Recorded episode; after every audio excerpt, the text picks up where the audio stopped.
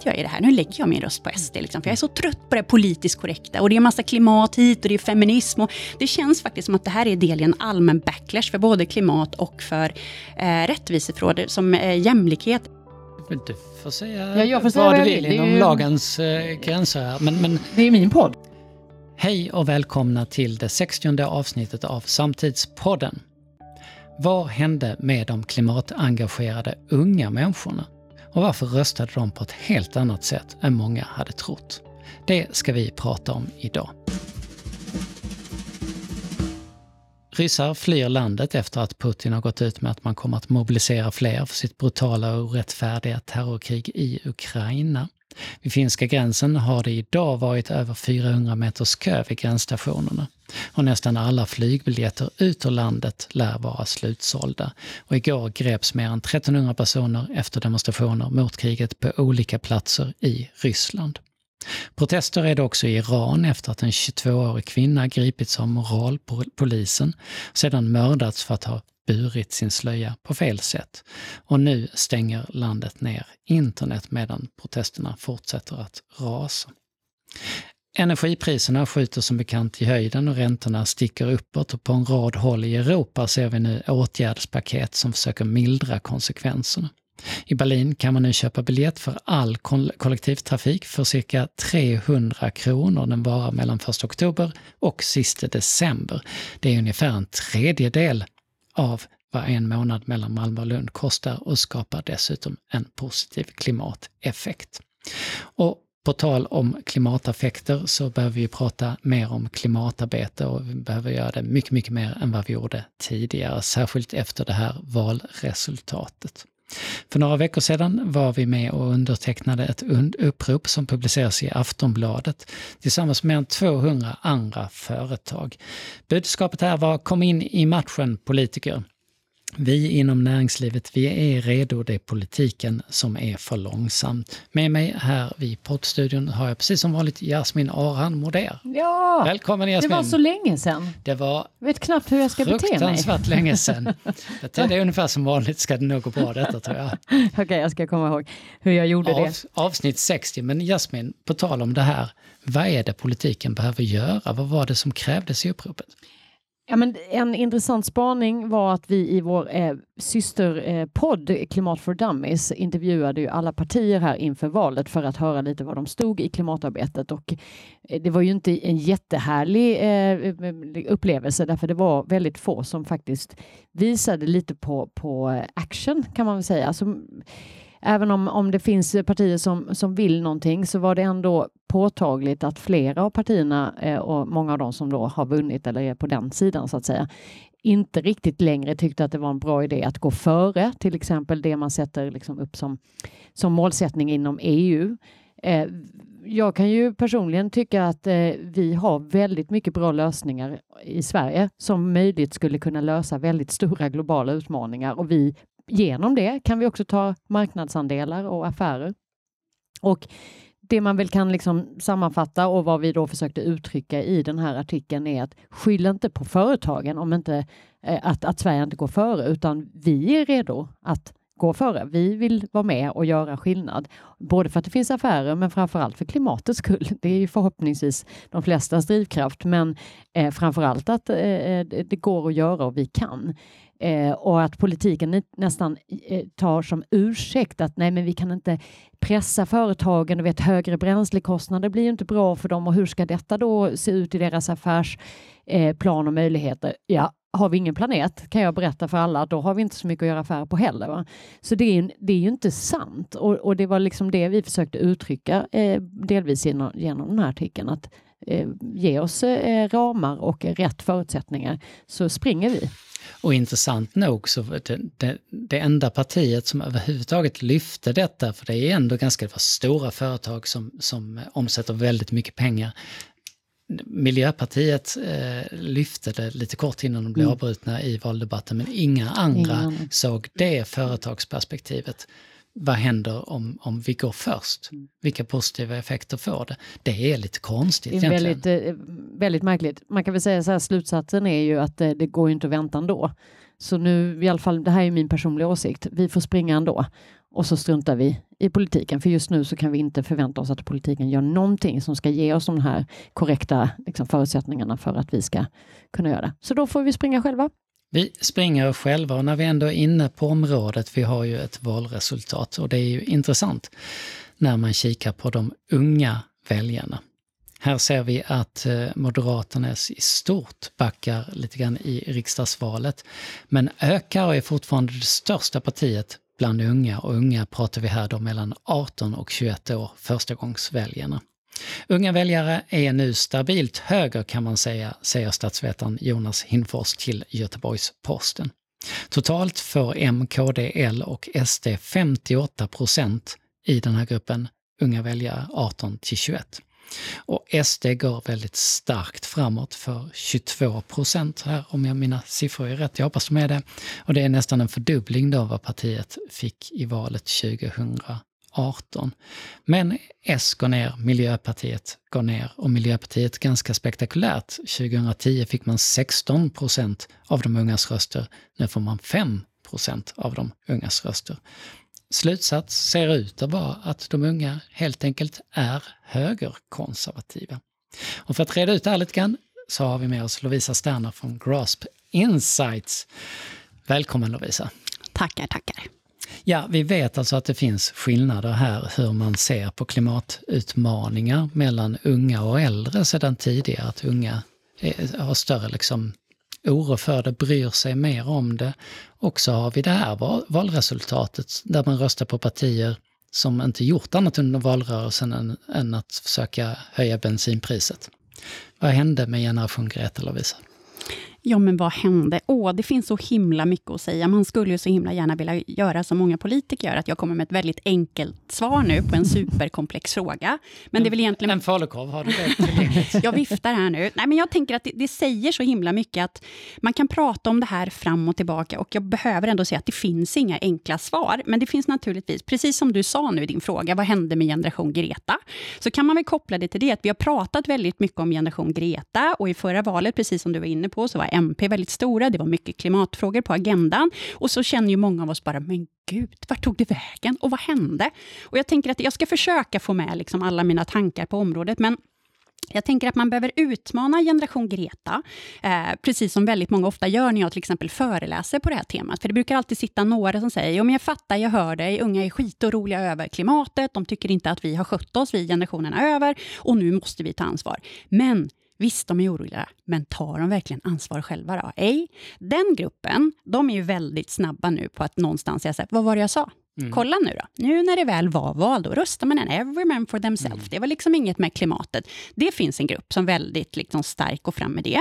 Men sen finns det någonting som jag tycker att man väldigt ofta glömmer bort när man liksom är efter val. Man tittar på resultaten och så diskuterar man. Och det är det som är väldigt så allmänmänskligt. Vad är det som har skett? Vad är det vi har pratat om? Hur har liksom valagendan sett ut? Vem har satt den. Och någonstans är det som att vi har en förväntan om att unga ska gå helt fria från det. Mm.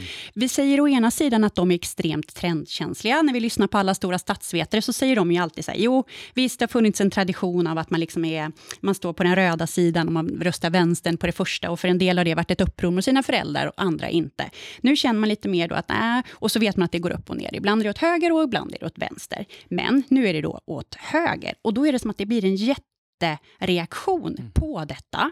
För jag tror också att väldigt många av oss känner, men herregud, om inte ens den yngre generationen röstar för klimatet, för miljön, för att vi ska ta ansvar, för att det ska hända någonting, vem ska göra det då? Så att det blir nästan lite dystopiskt. Jag tror att för väldigt många är det det som är det jobbigaste. Att det som man liksom kände tillförsikt i, det som man kände hopp i, känner man, men gud, har de helt lagt ner detta? Skiter de i klimatet nu? Och utan att du ens behöver ställa frågan till mig så kan jag ju svara på den själv. Nej, det gör de inte. Men det är ju inte så att man inte kan tycka två saker samtidigt. Och det är väldigt... Det finns någonting att i den här generation Greta så finns det någonting som man älskar och Fridays for Future. Jag skulle nästan säga att de där som också sagt, ja, men är de verkligen så oroliga eller är det bara så att de tycker det är gött att vara lediga på fredagar när de liksom sitter och strejkar? Det finns ju fortfarande någonting, dels tycker jag, provocerande i att man säger så, att man inte förstår att oron är reell. Men sen finns det också någonting i att nu är vi någonstans, om man tittar liksom på Maslows behovspyramid, så finns det ju någonting i det som också handlar om så här, trygghetsfrågor. Mm. Klimatet fortfarande superviktigt, men jag behöver också kunna känna trygghet för att överhuvudtaget kunna ta, ta tag i ett klimat. Och Jasmin var lite inne på det, men klimatet kommer ju först. Ja, det gör det ju, men det ena utesluter ju inte alltid det andra.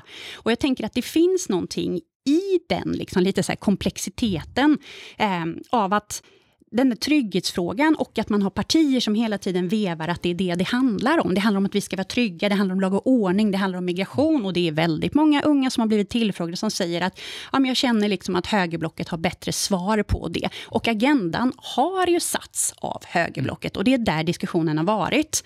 Um, jag tänkte på plattformar också som man rör sig på, var man möts av de här budskapen där agendan sätts. Ja. Eh, där, eh, där analysen Sen har väl inte riktigt kommit in på, men, men magkänslan är ju här att, att eh, högersidan och den eh, nationalistiska sidan har eh, haft en större närvaro och eh, satsat mer på att långsiktigt bygga upp det och nått ut med sina budskap och sina frågeställningar mer. Är det en bild du delar? Ja, jag delar den. Alltså både SD och M, då, framförallt MUF, de är skitduktiga på sociala medier. Och jag tänker att som om man tittar på Moderaterna på MUF så kan man liksom flytta, jag tror att alla vi, jag är sen 70-talist, jag känner igen det från när jag växte upp, de var alltid väldigt duktiga på, det var stora fester, det var roligt att gå där om man nu var lagd åt det hållet politiskt. Det har de ju egentligen tagit med sig, fast rakt in på sociala medier. Det är liksom samma mm. känsla, det är ganska roligt att vara där och jag såg något sånt inspelat nu när de visar de här klistermärkena, det är mycket Ulf, man gör en lite rolig så här, glimt i ögat. Och det är likadant med SC, de är duktiga på sociala medier.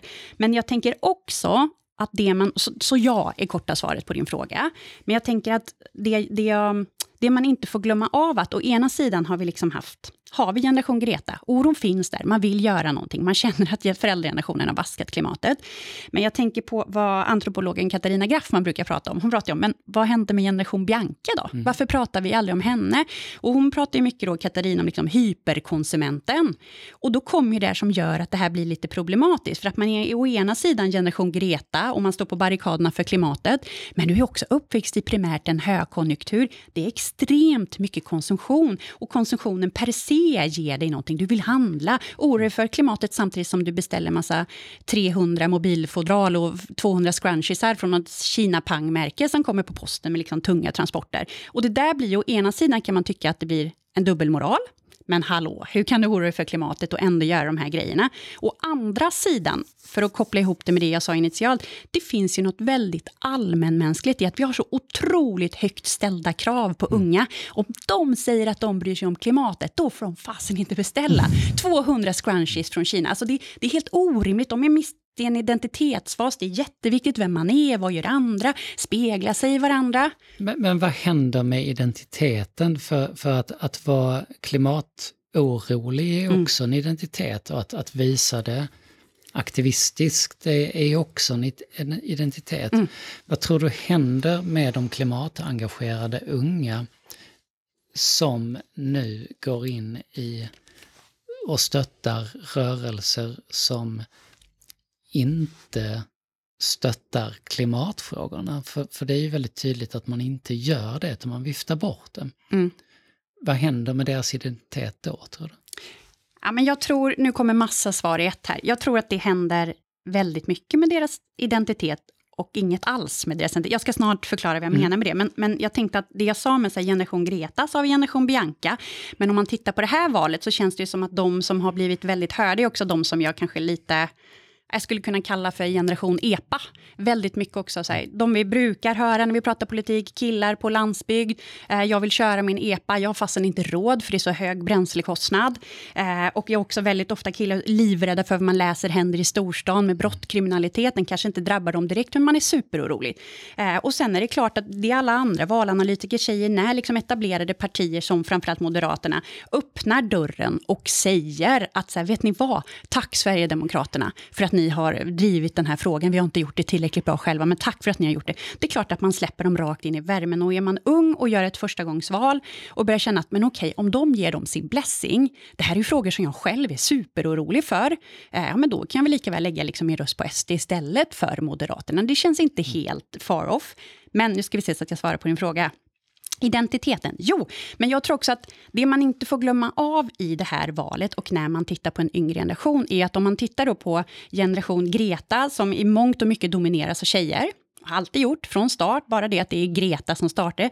Sen så finns det också liksom generation eh, Bianca, det är också en tjej. Det säger rätt mycket om vad man är, att man är väldigt drivande, att man är längst fram oavsett vad det handlar om. Och sen har vi generation EPA, om man nu ska uttrycka det så. Mm. Och jag tror att det finns någonting i det här. Jag tror att många av, för att det finns en stor könsskillnad i det här valet. Mm. Vi buntar ihop tjejer och killar. Och så pratar vi om dem oavsett om det är förstagångsväljarna eller om det är någonstans 18 till 30 år.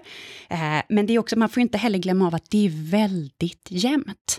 Mm. Och när man jobbar med sådana supernördiga grejer som jag gör, när man gör väldigt mycket undersökningar, sitter och tittar på väldigt mycket siffror och väldigt mycket resultat. Då gör man ju jätteofta så att man tittar, oj nu är det väldigt jämnt resultat, då får jag nog, hur ska jag bygga den här storyn? Då får jag nog göra lite intervjuer, eller jag får kolla på lite andra, ett kompletterande.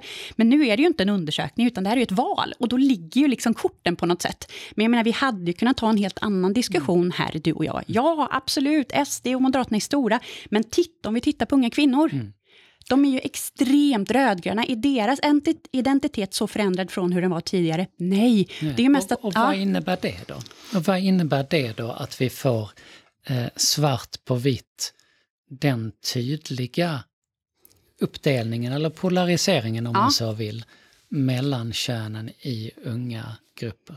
Ja, men jag tänker att den, att den är svart på vitt. Jag tänker att ni vet, det brukar alltid finnas någon lärare eh, som har eh, sommarpratar på mm. Sveriges Radio varje sommar som berättar, att, som berättar liksom historien om killar på landsbygden som har det tufft i skolan, eh, som sen inte rör sig därifrån, tjejerna försvinner. Ja, men ni vet hela den bilden av också den stora skillnaden mellan tjejer och killar. Om vi plockar den hit nu, så har vi ju alltid sett stora skillnader mellan mm. tjejer och killar. Och jag tänker, finns någonting i, du vet när ungdomsbarometern gör sina, så här, hur man identifierar sig själv, så har tjejer det som ofta har legat i topp för tjejer är, jag är feminist, jag är klimatvän, jag är antirasist. Mm. På killar har de där börjat segla upp, men en grupp som till exempel ofta legat högt, det är snarare andra saker, man är gamer, mm. apropå identitet. Så jag tror att det finns någonting i allt det här, och nu är jag ute på lite djupvatten, men jag tycker ändå att det är så viktigt att säga, för det finns någonting i allt det här, som där jag också kan känna att det, det är liksom en spegling av en allmän backlash av vissa politiska frågor, mm. alltså rättvisefrågor. Och det som traditionellt kanske har varit att man har känt, för hade vi haft den andra di dialogen nu, jag och du, vi säger att det var det rödgröna som man hade vunnit, då hade vi ju sagt wow, kolla, nu har vi liksom Sanna Marin i, Frank eller i Finland, och vi har Magda här och vi har liksom Mette i Danmark. Vad händer nu? Nu är det rödgrönt, det är kvinnor, feminismen är på frammarsch. Nu ser vi istället något annat. Nu blir det istället liksom att det är som att i detta, och det också finns en bild av att nej nu skiter jag i det här, nu lägger jag min röst på SD. Liksom, för jag är så trött på det politiskt korrekta, och det är massa klimat hit, och det är feminism. Och det känns faktiskt som att det här är del i en allmän backlash för både klimat och för eh, rättvisefrågor som eh, jämlikhet, jämställdhet. Mm. Jag tror absolut att det hänger ihop med det, och det finns också någonting Alltså nu, nu, låter jag ruff här, men det finns något lite så här grabbigt i att oh, nu ska jag fan visa. Mm. Jag är så trött på det här politiskt korrekta, nu lägger jag min röst här. Mm. Får jag, jag bara, det, ja, ja, för jag har bara en liten tanke här, för att, och, och det här är ju är otroligt djupt vatten. Nu är jag ute, liksom, jag vet inte var vi är någonstans. Men, men jag bara tänker, de som då man hör, du säger att det är fler killar som är på, på högersidan och, och och så ser vi de här engagerade, ofta tjejer då, som, som står med, med och de här viktiga frågorna kring klimat och demokrati och sådär. Är det så att eh, kanske att många av de som har eh, gjort den här eh, eh upprorsrösten på M och SD eh, som en reaktion som du har varit inne på, men också har lockats in där. För jag hörde till exempel, på tal om fester, häromdagen att när de var ute på skolor så utanför så stod man och delade ut snusdosor och eh, typ någonting annat med M-loggan på. Äh, jag kan känna lite så att det är liksom, det var kanske inte, ja men det kanske någon annan skulle ha lärt sig av på andra sidan då, för att det känns lite som att, nu säger jag inte att det är hela sanningen, men där är ju någonting där man ja, men det här var kul, det var coolt, det var lite liksom det där som du sa med Ulf innan. Jag röstar men man har inte tänkt igenom det. Medan de här som kanske har engagerat sig i, i nu i liksom åtta månader för första gångsvalet och, och tagit reda på exakt varenda parti står för, eh, kanske inte har valt M eller SD. Förstår ni vad jag är ute efter? Jag säger inte att de som har röstat M och SD absolut inte har en aning vad de har röstat på. Men det känns som de är inköpta på ett lite annat sätt Ja, får man säga så? Du får säga ja, jag får säga vad du vill inom ju... lagens äh, gränser. Här. Men, men... Det är min podd, höll jag säga, eller vår podd, så jag får ju tydligen göra det. Ja, det, det får du. Det får du. Vill, vill du säga mer? Nej. nej, nej, du stannar där. Jag bara nej, slängde men det, in den. Det är liksom en knepig, men en viktig fråga som är intressant för framtiden. är ju egentligen vart det här pekar mot. Eh, kan vi då bland de eh, tjejerna som du pratar om här förvänta oss eh, mer aktivism som svar eller rullar man tillbaka? Kan vi bland den här backlash-vågen som jag nog tror att vi kan se, för den går igen i all populism i hela världen. Det är, om vi räcker med att titta på USA för att se den grabbighets-backlashen som, som kommer att ha gått för långt och så vidare. Kan vi se att de flyttar fram positionerna och kan vi se mer av konfrontation och mindre av samtal framåt? Även bland unga. Vad, vad vågar du säga någonting vad du tror? Jag borde ju verkligen inte säga något, för nu är, man, nu är jag ute och simmar med Jasmin på riktigt. Men, men det är klart att det jag tänker att det finns vissa saker som man behöver säga. För jag, det finns absolut en grupp som är den som jag och Jasmin har vevat på här nu. De som känner att jag lägger en röst på ett klassiskt missnöjesröst. Och nu vill jag markera och liksom en del i backlashen. Sen måste ju sägas att det finns jättemånga som också har gjort sin hemläxa och landar på M och SD. Och det är där jag tänker att så här, man är en del av en... Man, det har förut funnits något lite sådär i att jo, men den yngre generationen, de går på egna ben, de går på egna vägar, nu får vi se. Och någonstans så vet man det. Å andra sidan vet man också att de är extremt trendkänsliga. Man lyssnar på vad som sker i den allmänna debatten, man är väldigt snabb på att spegla det. Och jag tänker också att det finns en, en annan aspekt i det här, liksom av att man också man är orolig, lag och ordning, migration, det är viktiga frågor och de ligger också på den politiska agendan. Och igen det här med Maslow, man känner inte trygghet och då kommer det först, det kommer före allt annat. Men sen finns det en annan del som jag tänker är som man ibland kan missa lite, som är mer på ett beteendevetenskapligt plan. Det här man ser, man brukar prata om auktoritetsförskjutning, hur familjer ser ut, att man liksom ser att de tidigare auktoriteterna som kommer bara att du var vuxen, eh, sitter inte idag hos dig bara för att du är vuxen, utan barn och vuxna tenderar liksom att komma mer och mer samman och man har starkare familjeidentiteter. Och vi vet ju sen innan att man tenderar in the long run att rösta som ens föräldrar har röstat, men första valet brukar liksom vara där det kan sticka ut. Jag tror inte heller att man ska underskatta att den där auktoritetsförskjutningen och att familjer kommer varandra allt mer närmare. Det är inte så himla konstigt att man röstar som sina föräldrar. För att man är väldigt nära och det är väldigt samtida, den där lilla klanen, familjen Lovisa Sterner. Hur röstar vi? Vad tycker vi? Eh, och därför tycker jag så här, man får inte heller vara så chockad över att jaha, speglar det här hur samhället ser ut i övrigt? Ja, det gör det. Men jag svarar ju absolut inte på din fråga. Hur aktivismen ska... Det är väldigt politiska svar. Nej, men jag, tänk, jag tänker ändå att det finns någonting i detta som gör att man det blir liksom, för tidigare har vi liksom sagt att nej, men man går inte med i ett politiskt parti, utan man har sakfrågor som man brinner för. Titta på Greta till exempel och Fridays for Future. Man hittar andra sakfrågor som man aktiverar sig i och så liksom driver man dem på olika sätt. Eh, det tror jag kommer fortsätta. Och jag tycker att jag redan ser, och det är inte bara, bara tjejer, utan jag tycker att jag redan ser att så här, okej, okay, lite grann så här, nu får vi liksom Eh, nu får vi krascha, sen får vi bygga upp oss igen och så får vi ta nya tag. Och så får vi faktiskt börja prata, för vi måste förändra någonting. Och det är ju en jättestark aktivism. Jag tycker också att jag ser att det är flera som säger, ja men det kanske nu det liksom är dags att jag, jag måste engagera mig i ett politiskt parti, för att det här är ju en värld och en verklighet som jag inte vill vara i. Och då är inte problemet att det liksom är borgerliga krafter, utan det är ju högernationalistiska krafter som man är livrädd för. Så att jag tänker att eh, engagemanget finns i allra högsta grad kvar. Jag tror att det är väldigt många som känner att man eldar under det ännu mer nu, för att man känner att gud, vad hände? Eh, men jag tycker också att det finns någonting hos en vuxenvärld som jag ibland nästan kan bli lite provocerad av, att man tycker att nu röstar vi, vi har pratat kärnkraft här nu och brott och straff och migration en hel valrörelse, men vi tycker att ni, ni ska ta ansvar för klimatet, jämställdheten. Alltså det blir, det blir lite magstarkt. Mm. Vi följer detta och ser hur det går framåt och vi ska hoppa in i veckans Men hallå!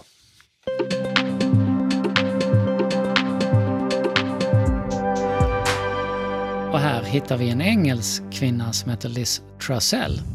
Ganska likt en annan person i Storbritannien som heter Liz Truss och är premiärminister. Eh, Liz Trussell var lite snabbare att använda sociala medier än premiärministern, vilket gjorde att hon skaffade sig Twitter-namnet Liz Truss. När eh, premiärminister Liz Truss eh, väljs så blir ju där en del problem för då får man ju väldigt många roliga kontaktförsök. En av dem är Magdalena Andersson Nej. som såklart vid valet här i början av september mm. gärna vill gratulera såklart. och träffas. Oh, nej. nej. Liz Vad dumt det blev. Liz Trust, eh, som verkar vara en väldigt rolig person, eh, har då ägnat ganska stor tid åt att sitta och besvara de här. Bland annat svarar hon då på Magdalena Anderssons invit och svarar att hon ser väldigt mycket fram mot att träffas. Get the meatballs ready. Eh, Magdalena Andersson har sedan detta upptäcktes raderat sin tweet i, i skam att hon eh, bjöd in en helt okänd engelska till, till träff. Det hade ju vem som helst kunnat göra. Men det är roligt. Och, eh, Otroligt kul. Vi får väl följa Liz Truss på Twitter och se hur, vilka politiska förvecklingar detta kan ta sig i framtiden. Det kan hända vad som helst här. Ja. Ah. Hörni, idag är det torsdag den 22 september och idag 1792 så utropades den första republiken i Frankrike som en följd av franska revolutionen och avskaffandet av monarkin. 1980 idag bröt kriget mellan Iran och Irak ut. Och 1994, Jasmin, då hade Vänner premiär. Oh, alltså, jag satt väl bänkad. Vem, var, vem var din favorit? Kommer du ihåg eh, namn ens? Ja, men åh. dessutom har ju mina barn sett eh, om det. Så jag, de har ju rullat de senaste tre åren så tror jag att eh, alla avsnitt har setts om 6000 gånger. Eh, men jag älskar ju Phoebe. Ja. Eh, jag tycker många är roliga där. Men eh, det var väl en av mina favoriter. Lovisa, någon favorit? Ja, men jag är också Phoebe-fan. Phoebe-fan. Du då? Ja, jag är också team Phoebe. Mm, det är team. Det är en härlig människa. Mer av henne. Hörni, det här var ju allt från eh, oss idag, från eh, eh från Samtidspodden. Hur många poddar har du? Ja, jag vet inte riktigt, men det här är i alla fall Samtidspodden. Är och, du säker? Ja, jag tror det. Vi pratade ganska mycket om klimat. Ja, det är ju sant. Den kanske också kan klippas in i klimatfördärvet, så gör man det liksom lite effektivt. Vi får se. Vi kan fundera på det. Men hur som helst, nu är vi igång igen och jag hoppas att jag får vara med nu kommande avsnitt också, även om jag säger grejer som där jag är ute på väldigt djupt, djupt, djupt vatten. Och vill ni veta mer om oss och vad vi sysslar med? Vi håller ju på mycket med aktivism just nu, så följ oss gärna på altitudemeetings.se. Vi har ju precis lanserat vår multimedia-konferens Push Summit som jag verkligen uppmuntrar er alla att ta del av. Det finns massor med spännande poddar. Bland eh, annat webinars Lovisa. med Lovisa. Fantastiskt. Eh, bra och eh, lite annat smått och gott. Så kolla in där och om inget annat så hörs och ses vi om en vecka. Tack för idag.